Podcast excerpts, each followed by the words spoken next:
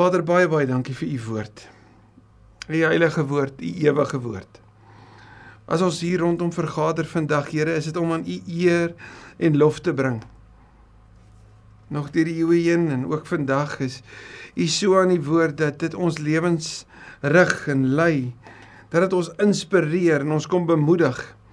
Dis net u Here wat die uiterstes van ons emosies op een oomblik kan aanspreek. Ons gaan elkeen iets anders hoor by u vandag. Daarom het ek so so so bewustheid dat ons afhanklik is van u om dit te kom doen. U is aan die woord vandag. So spreek daarom asseblief ook met ons. Ek bid dit in die naam van Jesus ons Here. As ek hierdie vir jou wys, hierdie potjie. Sal die vraag wees, Waarheen neem dit jou vandag? Wel, as jy die voorreg het om saam met mense te wees, deel dit gou met hulle. Waarheen neem hierdie potjie, hierdie beeld van die potjie jou vandag? Potjie is 'n storie, nê? Nee, want potjie vat lank om te maak. Daarom vra 'n potjie goeie voorbereiding, maar dit lei altyd tot heerlike gesels. Op 'n dag soos vandag waarin daar bitter baie mense in Suid-Afrika van verskillende kulture bymekaar kom rondom 'n pot soos hierdie, word daar stories gedeel. Stories van die verlede gedeel. Word daar na mekaar gekyk en en mekaar waardeer. Word daar vir mekaar gelag en en geglimlag en gewaardeer. Maar word daar ook gekyk na die toekoms en hoe hierdie maaltyd, hierdie saamwees, hierdie fees ons ook rig na die toekoms toe want jy kan nie anders as wanneer ons saam is om te kyk na wat voorlê nie. Nie waar nie? Wel die potjie het in Suid-Afrika aangekom saam met Van Riebeeck, so word daar geglo. En vroeg vroeg nadat Van Riebeeck aangekom het, het die inheemse stamme hulle potte vervang met die pot soos wat ons hom ken. Maar die oorsprong van die pot, so word daar gereken, kom in die tyd van van Spanje en Nederland toe oorloë 'n uh, gegeewe was in hulle wêreld, die 1500s en dalk selfs voor dit. En wat toe gebeur het is die die pot wat sy ontstaan uit die eystertydperk gehad het, is toe vervang of toe verryk as jy wil met 'n driepootpot. En hierdie driepootpot het gemaak dat gesinne, families, bure rondom hierdie pot vergader het om stories te deel, om hoop te deel, waar bande gesmee is en waar veiligheid geskep is. In 'n baie onveilige en ongerieflike plek het hierdie pot gelei tot 'n nuwe verstaan van die lewe tot 'n betekenis van ons is by mekaar. Wel, op 'n dag soos vandag waar stories gedeel word, waar bande gesmee word, waar daar nie gedink word oor die toekoms, is dit 'n dag waarin al die kulture in Suid-Afrika juis dit ook vier, want dis erfenisdag. En as jy saam met ons op reis is op met die Bybelskool, sal jy weet ons is tans besig met die briewe van Petrus en ons is nou al in die middel van die tweede boek van Petrus, tweede brief. Maar daar in 1 Petrus 1 gebruik Petrus 'n baie besondere beeld van erfenis wat ons vandag saam met mekaar gaan deel. Ons lees saam 1 Petrus 1 vanaf vers 1. Van Petrus, apostel van Jesus Christus, aan die uitverkorenes van God, vreemdelinge in hierdie wêreld wat versprei woon in die provinsies van Pontus, Galasië, Kappadosie, Asië en Brittanje. Soos God die Vader dit vooraf bestem het dat hy julle uitverkies en deur die Gees afgesonder en om, om aan hom gehoorsaam te wees en besprinkel te word met die bloed van Jesus Christus. Mag daar vir julle genade en vrede in oorvloed wees. Want God die Vader van ons Here Jesus Christus kom al die lof toe. In sy groot ontferming het hy ons die nuwe lewe geskenk deur die opstanding van Jesus Christus uit die dood. Nou het ons 'n lewende hoop op die onverganklike, onbesmette en onverwelklike erfenis wat in die hemel ook vir julle in bewaring gehou word. En omdat julle glo word ook julle deur die krag van God veilig bewaar vir die saligheid wat reeds nou deel is om aan die einde van tyd reeds gereed is om aan die einde van tyd geopenbaar te word. Verheug julle hieroor, selfs al is dit nodig dat julle 'n kort tydjie bedroef gemaak word deur allerlei beproewings sodat die egtheid van julle geloof getoets kan word. Julle geloof is baie kosbaarder as goud, goud wat vergaan. Selfs die suiwerheid van goud word met vuur getoets en die egtheid van julle geloof moet ook getoets word sodat dit lof en heerlikheid en eer waardig mag wees by die wederkoms van Jesus Christus. Hom het julle lief. Al het julle hom nie gesien nie. Deur in hom te glo, al sien julle hom nie nou nie, het julle reeds deel aan die saligheid wat die einddoel van julle geloof is. En dit vervul julle met 'n onuitspreeklike en heerlike blydskap. Daar's so baie rondom hierdie teks om uit te pak. En daarom het ons 'n Bybelskoolruimte juist daarvoor.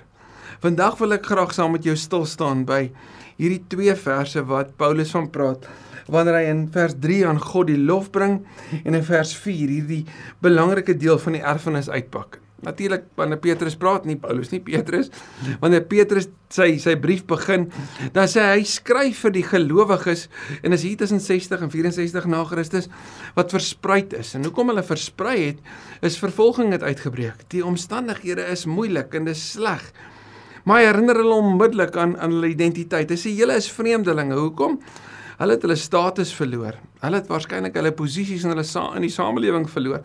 Hulle het hulle bande met hulle families verloor. Hoekom? Want om aan Jesus Christus te glo en hom as Here aan te spreek, het beteken dat jou lojaliteit het geskuif na hom toe. Dat jy deel is van 'n familie, 'n geloofsfamilie, 'n beweging in hierdie wêreld in wat hom as Here aanroep en dit verkondig. En dit het gemaak dat ander natuurlik hulle vervolg het juis daaroor. En Petrus herinner hierdie gelowiges wat in hierdie haaglike moeilike omstandighede hulle geloof bely en uitleef elke dag dat hulle hagioi is. Hy sê julle is eenkant gesit soos 'n bruid vir haar bruidegom. En dan herinner hy hulle aan wie hulle behoort. Hy sê onthou mooi kom ek vertel julle weer van God die Vader. Hy's die vader van die familie. Die pater familia soos die die Latyn dit sou sou sê die Vader wat ons innooi, die Vader wat sy seun gegee het sodat ons kan deel in hierdie erfenis saam met hom. Kan deel in hierdie hierdie nuwe groep waarna ek kan behoort. Waarna ek hom as Vader, as 'n persoonlike Vader ook kan ken, want ek is nou deel van sy familie.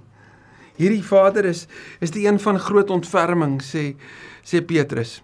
Nou ontferming sien jy al daar in Psalm 103 dat God die Vader is wat hom ontferm oor ons, wat weet ons is van stof gemaak.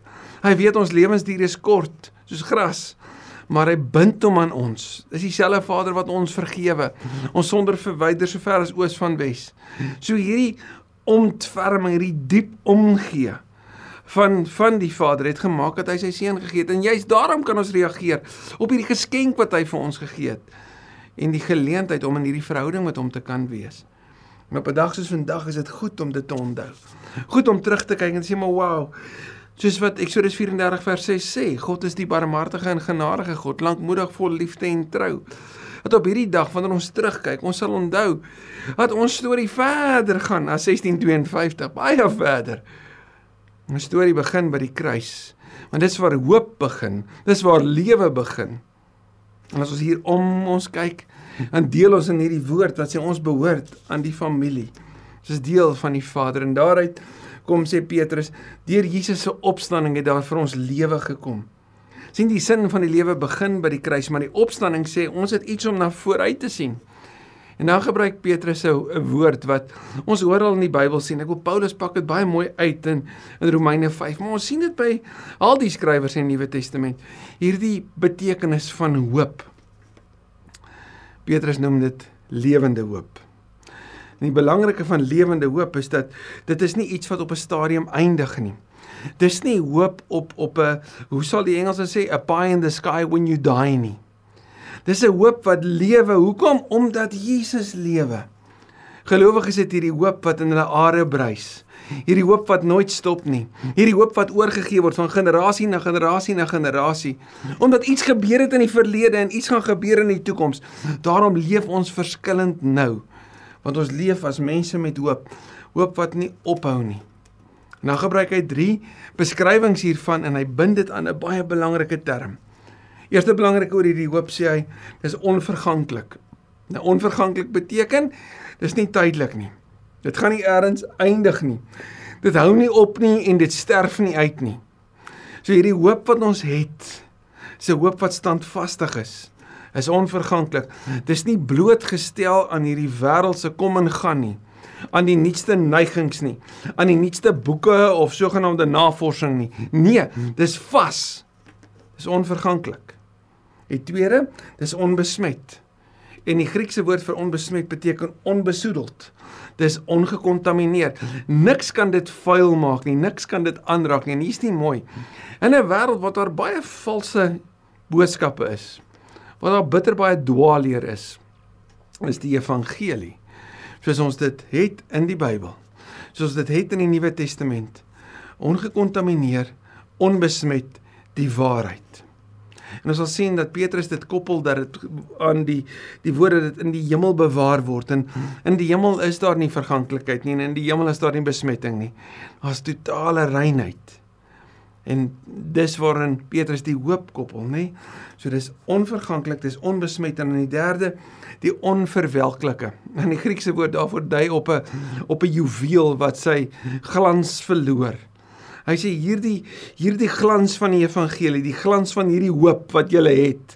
Die hoop wat kom vanaf Christus se opstanding, want dis mos die punt van die evangelie, net die rede vir hoekom ons die wêreld dit wil invat en vertel. Dit sal nie verdof nie. Omdat dit nie tydelik is nie, omdat dit nie besmet is nie, kan ons weet dit sal nie verdof nie. Dit is glashelder, dit is blink, dit is soos 'n skitterende môre ster vir almal te sien. En dan koppel hy dit aan die woord erfenis. En die Griekse woord vir erfenis beskryf dit as volg: received from a deceased person. So iemand moes sterf vir ons om die erfenis te kon kry. Iemand moes sy lewe gee. Want ek en jy kan nie 'n erfporsie kry as daar nie iemand is wat afgesterf het nie, nie waar nie? Maar hier's die mooi wat Petrus gebruik. Kyk mooi. Hy sê ons het nou 'n erfenis wat ons 'n hoop gee. Hierdie erfenis word bewaar want hy neem dit en hy sê dit word veilig bewaar. Die woord veilig bewaar is 'n militêre term. Soos wanneer jy 'n soldaat kry wat wag staan, is dit hierdie hierdie term wat kom sê maar die hoop wat ons het is verseker, dis vasgelê, dit word bewaar in die hemel. Dis 'n erfenis wat ons het. Dis 'n erfporsie wat wag omdat iemand gesterf het. Maar hy het nie net gesterf nie. Hy het opgestaan en hy lewe en daarom het ons hierdie hoop. So as ons terugkyk, het ons 'n storie. Storie wat begin by iemand wat sterf, wat vir ons 'n erfporsie gee. Maar iemand wat opgestaan het, wat lewe, wat vir ons hoop gee. Iemand wat ons nooi om deel te wees van hierdie familie wat ons aan mekaar bind. Iemand wat vir wie ons wag, wat vir ons hierdie versekering op die toekoms gee. So op hierdie dag wanneer ons stil staan by 'n potjie soos hierdie. 'n Potjie wat sy ontstaan gekry het in moeilike tye, in ongemaklike tye, in onsekere tye. 'n Potjie wat gemaak het dat stories gedeel is oor die verlede, dat bande gesmee is in die Here en dat 'n nuwe toekoms gedroom is. 'n Potjie wat wat so deel geword het van die samelewing dat dit dat dit selfs vanaf Nederland al die pad afbeweeg het na Suid-Afrika toe. 'n Potjie wat vandag gedeel word as 'n erfenis wat op erfenisdag oral met alle kulture met mekaar gedeel word. Geliefdes, hoe belangrik is die inhoud nie van dit wat ons vandag het om te deel nie. Want nee, dis dalk nie pap en sous nie. Dis dalk nie groente nie of wat die van julle wat die voorreg het om 'n biltongpot dalk te bou, dis nie dit nie. Nee, wat ons het is baie meer as dit. Dis 'n dis 'n boodskap van hoop op erfenisdag van 'n erfenis wat ons het wat vir ons veilig bewaar is. So mag dit vandag ook so wees vir jou en my. Dat wanneer ons terugkyk, ons die storie onthou waaruit dit kom. Dat ons nooit sal vergeet dat ons saam wees rondom 'n maaltyd vandag. Ons kom sê wie die gewer hiervan is. En wie nog altyd die gewer daarvan was. En dat hy ons hier aan mekaar bind en dat ons mekaar op 'n nuwe manier moet waardeer. En vir mekaar sê hoe nodig ons mekaar het. Maar dat ons 'n nuwe toekoms sal droom. Omdat ons 'n hoop het wat nie beskaam nie. 'n hoop het wat lewe. 'n hoop het wat onverganklik is wat onbesmet is en wat onverwelklik is. Ek lees die volgende by Wendell Phillips the heritage of the past is the seed that brings forth the harvest of the future. As ek en jy bou op 'n erfenis, is ons ook nou in wese besig om 'n erfenis te skep vir die volgende generasie. Mag ons daarom juis so om die die etenstafel vandag vergader dat ons nuwe hoop skep. Want die hoop wat ons het, is dalk nie in 'n wêreld wat hopeloos dalk mag wees. Maar dis hoop wat moet leef in die oë van ons kinders en in die are van ons gemeenskap. Dis hoop wat sigbaar moet wees en dis werk wat ons nou doen vir 'n oes wat wag. Mag ons erfenisdag opnuut waardeer. Amen. Here baie baie dankie vir hierdie dag. Dankie vir 'n erfporsie wat u lewe gekos het, Here Jesus. 'n Erfporsie wat ons elkeen sin kan wees as ons glo en bely dat Jesus die Here is. As ons erken dat hy gesterf het en erken dat hy fisies uit die dood uit opgestaan het, dat hy leef. As ons bely dat hy hemel toe gevaar het en dat hy terugkom. As ons dit met ons hele hart glo. Dit is so wonderlik om te weet daar's niks wat ons hoef by te dra daartoe nie. As niks wat ons kan doen wat dit gaan minder maak nie. Dankie vir u liefde. Dankie dat ons dit sigbaar ook daarin kan kan sien Here aan die kruis wanneer u ook sê vergeef hulle want hulle weet nie wat hulle doen nie. Het u vir ons ingetree toe ons nog ver was. Dat u ons nader trek ook vandag. Dankie vir hierdie erfenis wat ons in kan deel. Ek bid so Here dat dat U ons sal help om van hier af ook uit te beweeg. Dalk na kospotte toe. Dalk na vreemdelinge toe, dalk na familie toe. Maar dat ons opnuut sal kyk na die mense in ons lewe en Here vir die wat nie iemand het om vandag toe te na toe te kan gaan nie. Wat dalk eensaam is. Alleen is.